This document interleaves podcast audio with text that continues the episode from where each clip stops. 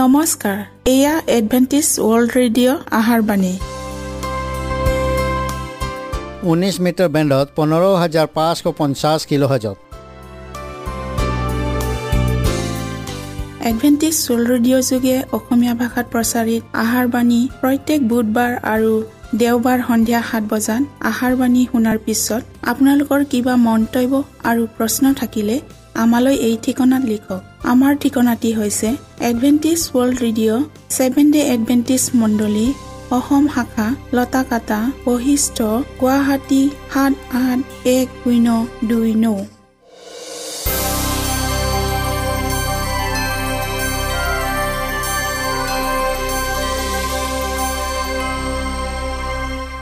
প্ৰিয় শ্ৰোতা বন্ধুসকল এতিয়া শুনো আহক এটি খ্ৰীষ্টীয় ধৰ্মীয় গীত।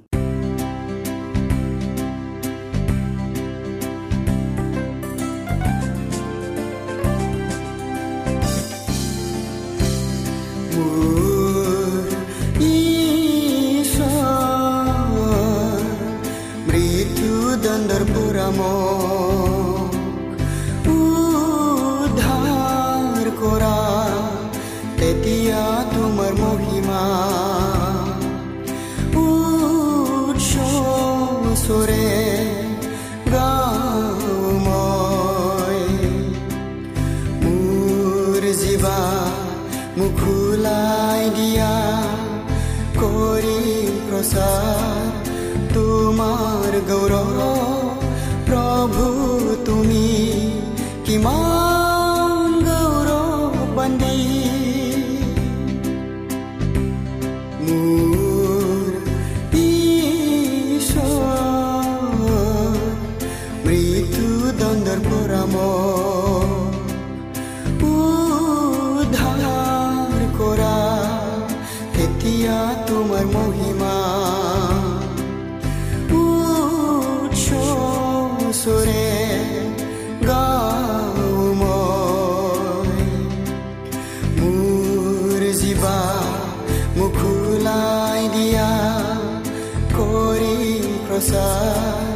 তোমাৰ গৌৰৱ প্ৰভু তুমি কিমান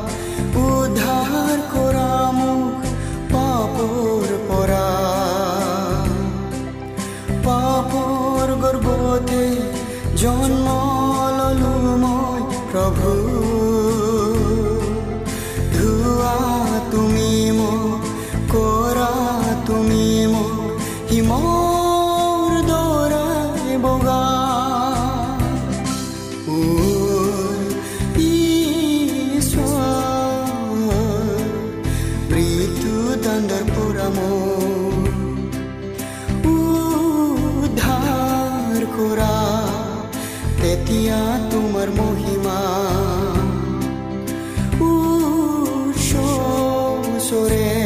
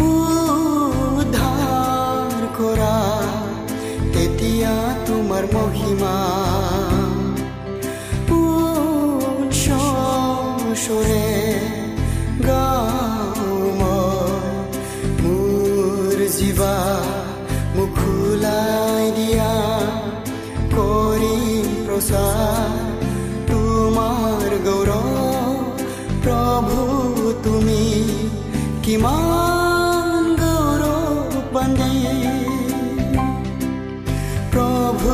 তুমি কিমান গৌরব পানে প্রভু তুমি কিমান গৌরব পানে কিমান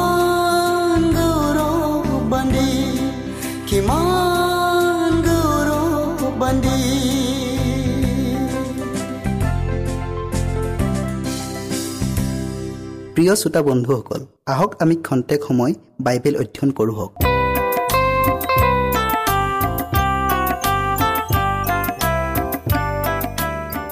প্ৰিয় শ্ৰোতাসকল আমি আজি যোৱা অনুষ্ঠানৰ অযথাৰ্থ ধনেৰে বন্ধু স্থাপন ইয়াৰ বাকী আৰু শেষ অংশটো অধ্যয়ন কৰোঁ হওক। শাস্ত্ৰপদ আপোনালোকে পঢ়ক লোক ষোল্ল অধ্যায়ৰ এগৰ পৰা নৌ পদলৈকে। আমি প্ৰাৰ্থনা কৰোঁ হওক। সেই স্বৰ্গত থকা পবিত্ৰ জীৱনময় গৰাকী তোমাক ধন্যবাদ দিছোঁ প্ৰভু কিয়নো তোমাৰ আশীৰ্বাদ আৰু দয়াত এই সুন্দৰ সময় আমি আকৌ পালোঁ।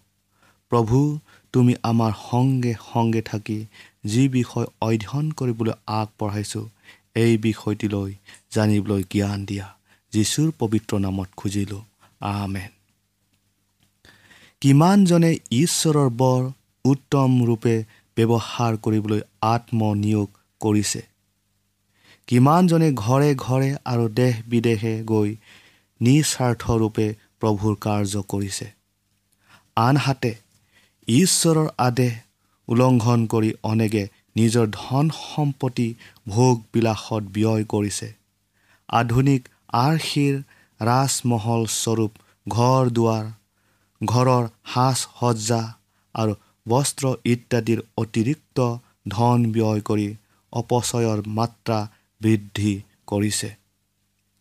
কিন্তু আনফালে তেওঁলোকৰ দৰে অগণন লোকে ভোকে পিয়াহে অনাহাৰে জৰ্জৰিত হৈ নানা অসামাজিক কাৰ্যত লিপ্ত হৈছে। ৰোগ ব্যাধি হৈ মৃত্যু ঘটিছে। এইদৰে অগণন লোক দয়াৰ দৃষ্টিৰ পৰা আৰু মৰমৰ মাত এশাৰীৰ পৰা বঞ্চিত হৈ আহিছে। ঈশ্বৰক ঠগাৰ নিমিত্তে মানুহে অপৰাধী। তেওঁলোকৰ স্বাৰ্থপৰ ব্যৱহাৰে ঈশ্বৰৰ গৌৰৱ স্নান কৰিছে। নহ'লে যন্ত্ৰণাত ভোগা উদ্ধাৰ আৰু মুক্তি পোৱা কাৰ্য দ্ৰুত গতিৰে অগ্ৰসৰ হ'লহেঁতেন। ইয়াৰ উপৰিও তেওঁলোকক বিশ্বাসেৰে গতাই দিয়া তেওঁৰ বৰবৰৰ অপব্যৱহাৰ কৰিলে। ঈশ্বৰে ঘোষণা কৰিলে মলাখী তিনি অধ্যায়ৰ পাঁচ আঠ আৰু নৌ পদত। কৈছে আৰু মই বিশ্বাস কৰিবলৈ তোমালোকক ওচৰলৈ আহিম। আৰু মোক ভয় নকৰে। সিহঁতৰ বিৰুদ্ধে মই বেগাই সাক্ষী হ'ম। মানুহে ঈশ্বৰক ঠগাবনে? তথাপি তোমালোকে মোক ঠগিছা কিন্তু তোমালোকে কৈছা আমি কিহত তোমাক ঠগিলোঁ দশম ভাগত আৰু উপহাৰত? তোমালোক অতি অভিশপ্ত কিয়নো তোমালোকে মোক ঠগিছা। এনে কি গোটেই জাতিয়ে ঠগিছা? এতিয়া সেই ধনী লোকসকল তোমালোকৰ ধন সম্পত্তি গেলি ফচি গৈছা আৰু তোমালোকৰ কাপোৰ কানি পোকে খাইছে। তোমালোকৰ সোণ ৰূপত মামৰ ধৰিলে সেইবোৰৰ মামৰে তোমালোকৰ বিপক্ষে সাক্ষ্য দিব। তোমালোকে শেষ কালতহে ধন সাঁচিলা এই পৃথিৱীত তোমালোকে বিলাসিতা আৰু সুখ সম্ভোগৰ মাজত দিনবোৰ নিয়াইছা। তোমালোকৰ পথাৰত কাম কৰা বনোৱাবিলাকক প্ৰবঞ্চনা কৰি তোমালোকৰ প্ৰাপ্য বেজ দিয়া নাই। সেইবিলাকৰ ওজৰ আপত্তিলৈ কাণ দিয়া।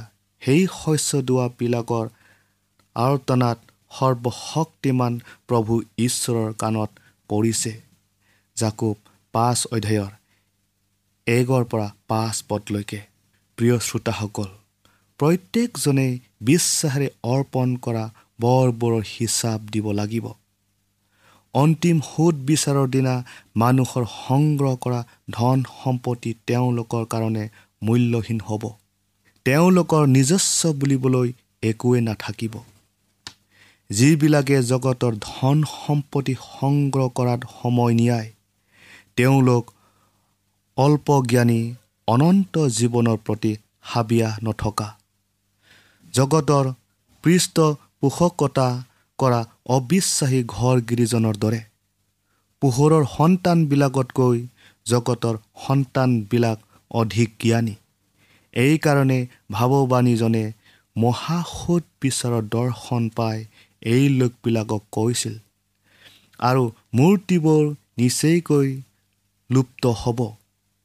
ঈশ্বৰে পৃথিৱীক কপাবলৈ উঠোতে তেওঁৰ ভয়ানকতাৰ পৰা আৰু তেওঁৰ শ্ৰীৰ প্ৰতাপৰ পৰা লোকে পৰ্বতৰ গুহাত আৰু শিলৰ পাতত সোমাবৰ মনেৰে সেইদিনা মানুহে সেৱা কৰিবৰ অৰ্থে সজা নিজৰ সোণৰ আৰু ৰূপৰ মূৰ্তিবোৰ এন্দুৰ আৰু বাদুলিৰ আগলৈ পেলাই দিব। যিচয়া দুই অধ্যায়ৰ বিছ আৰু একৈছ পদত। কৃষ্টই কৈছে জাগতিক সম্পত্তিৰে বন্ধু পাতা তাতে সেয়ে শেষ হ'লে। তেওঁলোকে তোমালোকক অনন্ত গৃহত প্ৰৱেশ কৰাব পাৰিবনে? ঈশ্বৰে কৃষ্ট আৰু স্বৰ্গদূতবিলাকৰ দ্বাৰাই অৰ্থাৎ সকলোৱে উৎপীড়িত যন্ত্ৰণা ভোগী আৰু পাপ ৰোগৰ দ্বাৰাই আক্ৰান্ত হোৱা লোকবিলাকক পৰিচৰ্যা কৰিছে। আপুনিও নিজকে ঈশ্বৰৰ কাৰ্যৰ অৰ্থে সোধাই দি তেওঁৰ বৰ বৰ উক্ত উদ্দেশ্যত ব্যৱহাৰ কৰক আৰু স্বৰ্গীয় পৰিয়ালৰ সদস্য হওক। তেওঁলোকৰ নিষ্কলুষিত আচাৰ ব্যৱহাৰত আপোনাৰ মন প্ৰাণ উতলি পৰিব আৰু নিৰ্মল চৰিত্ৰৰ প্ৰভাৱ পৰিলক্ষিত হ'ব। অনন্ত গৃহৰ বাসিন্দাবিলাক আপোনাৰ আচহুৱা লোক নহ'ব। যেতিয়া আটাই পাৰ্থিৱ বস্তুৰ সমাপ্ত ঘটিব তেতিয়া স্বৰ্গীয় গৃহৰ প্ৰহৰীবিলাকে আপোনাক আদৰণি জনাব। আনৰ অৰ্থে নিস্বাৰ্থভাৱে কৰা কৰ্ম উক্ত কৰ্মৰ বাবে ন্যায়ভাৱে ধন সম্পত্তি ব্যয় কৰি অনেকক কৃষ্টলৈ অনা। যিজনে কৃষ্টৰ কোচ অনুসৰণ কৰিলে জগতত ঈশ্বৰৰ ৰাজ্যৰ বৃদ্ধিৰ অৰ্থে সৰ্বস্ব ত্যাগ কৰি পৰিশ্ৰম কৰিলে এই সকলোৰ পুৰস্কাৰ স্বৰ্গীয় আদালতত ঘোষণা কৰা হ'ব। পৰিত্ৰাণ পোৱাবিলাকে তেওঁলোকৰ নিমিত্তে ঈশ্বৰৰ অস্ত্ৰস্বৰূপ হোৱাত কৃতজ্ঞতাৰে দৃষ্টি কৰিব। অনেকৰ উদ্ধাৰৰ অৰ্থে কাৰ্যত বিশ্বাসী হোৱাত ঈশ্বৰৰ ৰাজ্য তেওঁলোকৰ কাৰণে মূল্যৱান হ'ব।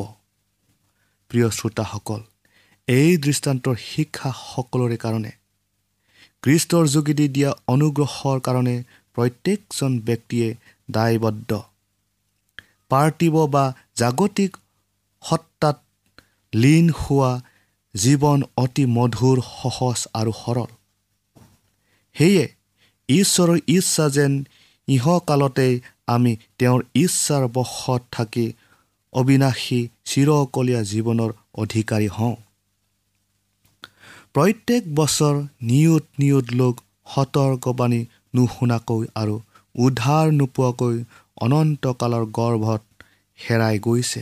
মুহূৰ্তে মুহূৰ্তে আমাৰ পৰিৱৰ্তনশীল জীৱনত আনক ঈশ্বৰৰ বাক্য কৈ উদ্ধাৰৰ পথ দেখুওৱাৰ সুযোগ এতিয়াও আমালৈ মুকলি হৈ আছে। অবিৰাম গতিত এই সুযোগবোৰ আহে আৰু যায়। ঈশ্বৰৰ ইচ্ছা আমি যেন ইয়াৰ সৎ ব্যৱহাৰ কৰোঁ। আমাৰ দিন সপ্তাহ মাহবোৰ অতীত হৈ গৈ আছে। তাৰ মাজতে তোমাৰ ঘৰগিৰি বাবৰ হিচাপ দিয়া হঠাৎ এনে মাত শুনিবলৈ পাম যাৰ উত্তৰ দিবলৈ আমি আখৈ মাতিব নোৱাৰোঁ। সেইকাৰণে কৃষ্টই আমাক প্ৰত্যেকজনকে উক্ত বিষয়ত গভীৰতাৰে বিবেচনা কৰিব দিছে।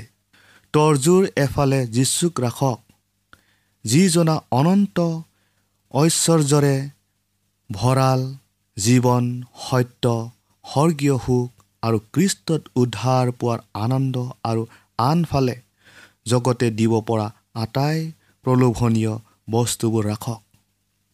তেনেকৈ তৰ্জুৰ এফালে আপোনাৰ হেৰুৱা জীৱন আৰু আনফালে আপোনাৰ পৰিশ্ৰমৰ দ্বাৰাই উদ্ধাৰ পোৱাবিলাকক জীৱন ৰাখক।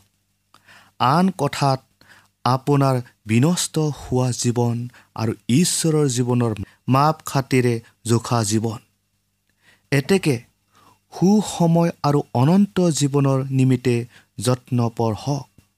আৰু যেতিয়াই আপুনি এই বিষয়ত নিশ্চিন্ত হ'ব খুজিব তেতিয়া কৃষ্টই ক'ব এজন মানুহে গোটেইখন জগত পায়ো যদি নিজৰ প্ৰাণ হেৰুৱায় তেন্তে তেওঁৰ কি লাভ হ'ব?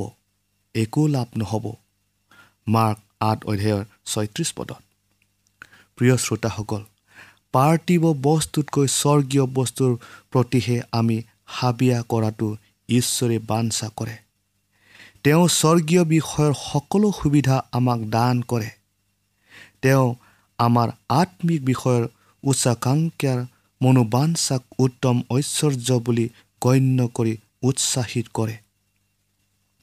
তেওঁ ঘোষণা কৰি কৈছে মই এটি মানুহক শুদ্ধ সোণতকৈ এনেকি এটি মনুষ্য ও ফকীৰৰ শুদ্ধ সোণতকৈও দুৰ্লভ কৰিম। যিচয়া তেৰ অধ্যায়ৰ বাৰ পদত যেতিয়া জাগতিক ধন সম্পত্তি পোকে খাব আৰু মামৰ ধৰি ক্ষয়প্ৰাপ্ত হ'ব তেতিয়া খ্ৰীষ্টৰ অনুগামীবিলাকে স্বৰ্গৰ অক্ষয়নীয় অবিনাশী ঐশ্বৰ্যৰ কাৰণে উল্লাস কৰিব। জগতত আটাইতকৈ উত্তম বন্ধু বা সখা কৃষ্টৰ বাহিৰে আন কোনোৱে নাই। জগতৰ অতি মনোৰম ৰাজ অট্টালিকাতকৈ কৃষ্টই আমালৈ নিৰ্মাণ কৰা স্বৰ্গীয় অট্টালিকা অতিকৈ মনোৰম। অতি নম্ৰতাৰে জগতৰ মান প্ৰশংসাৰ কথা বতৰাতকৈ আমাৰ ত্ৰাণকৰ্তাজনাই তেওঁৰ বিশ্বাসীবিলাকক কোৱা আহা মোৰ প্ৰীতিৰ আশীৰ্বাদৰ পাত্ৰবিলাক জগতৰ সৃষ্টিৰে পৰা যুগুত কৰি থোৱা ৰাইজৰ অধিকাৰী হোৱা যিবিলাকে তেওঁ বৰৰ অপব্যৱহাৰ কৰে। তথাপিও কৃষ্টই তেওঁলোকক অক্ষয় ধন লভিবলৈ সুযোগ দিছে। তেওঁ কৈছে আনক দান কৰা তেতিয়া ঈশ্বৰেও তোমালোকক দান কৰিব। তোমালোকৰ সকলো সম্পত্তি বেছি দৰিদ্ৰক দান কৰা যি ঠাইত চোৰ সোমাব নোৱাৰে আৰু পোকেও নষ্ট কৰিব নোৱাৰে এনে স্বৰ্গত তোমালোকে পাতি যোৱা মোনাত অক্ষয় ধন সাঁচি থোৱা। লোক তেৰ অধ্যায়ৰ তেত্ৰিছ পদত যিবিলাক ইহঁত জগতৰ ধনেৰে ধনৱন্ত তেওঁলোকক অহংকাৰী নহ'বলৈ আজ্ঞা দিয়া।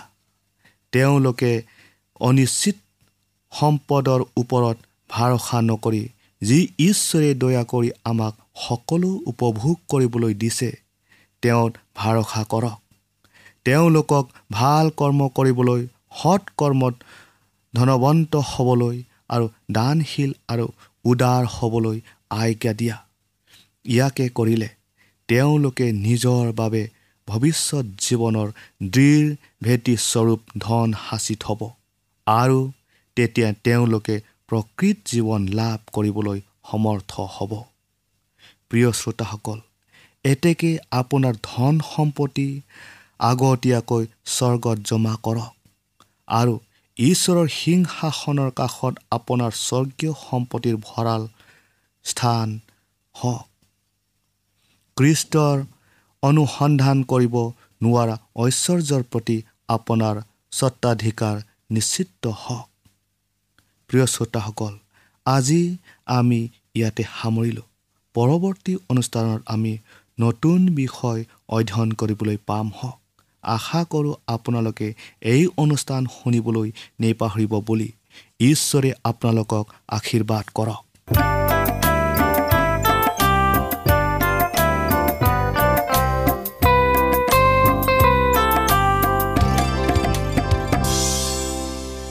ইমানপুৰে আমি বাইবেল অধ্যয়ন কৰিলোঁ। এতিয়া আকৌ শুনো আহক এটি খ্ৰীষ্টীয় ধৰ্মীয় গীত।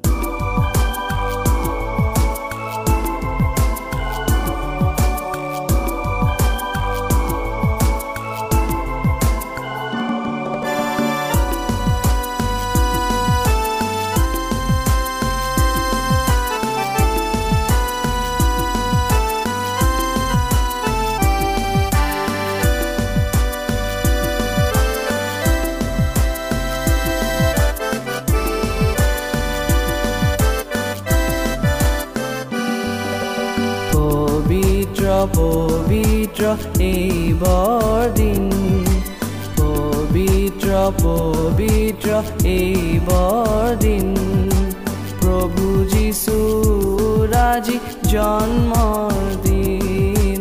প্ৰভু যীশুৰ আজি জন্মৰ দিন। ভাই ভনী সকলোৱে মিলি গীত গাওঁ ভাই ভনী সকলোৱে মিলি গীত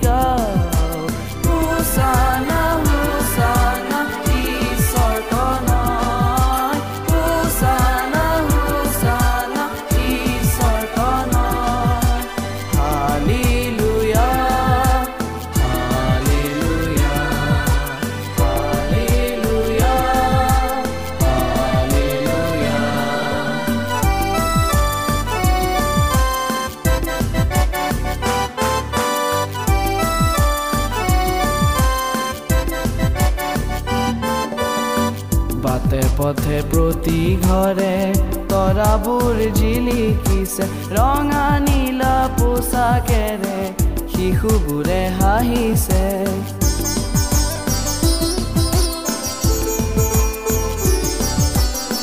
বাটে পথে প্ৰতি ঘৰে তৰাবোৰ জিলিকিছে ৰঙা নীলা পোচাকেৰে শিশুবোৰে হাঁহিছে পুলকতে নাচে প্ৰাণ আজি যে আনন্দৰ sorry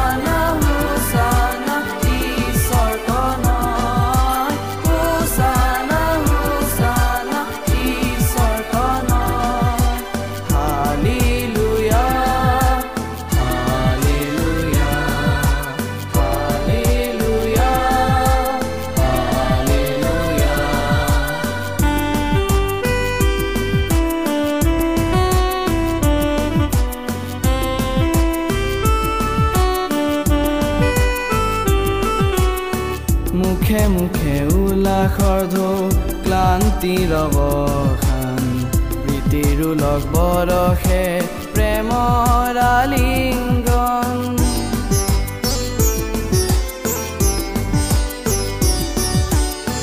মুখে মুখে উল্লাসৰ ঢৌ ক্লান্তিৰ অৱসান প্ৰীতিৰো লগ বৰষে প্ৰেমৰ আলিংগন।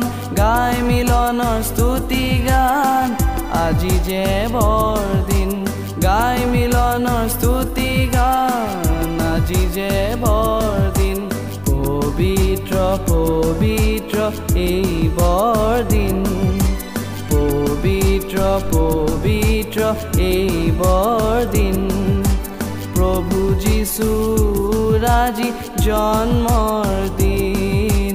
প্ৰভু যীশু ৰাজি জন্মৰ দিন ভাই ভনী সকলোৱে মিলি গীত গাওঁ। ভাই ভনী সকলোৱে মিলি গীত গাওঁ।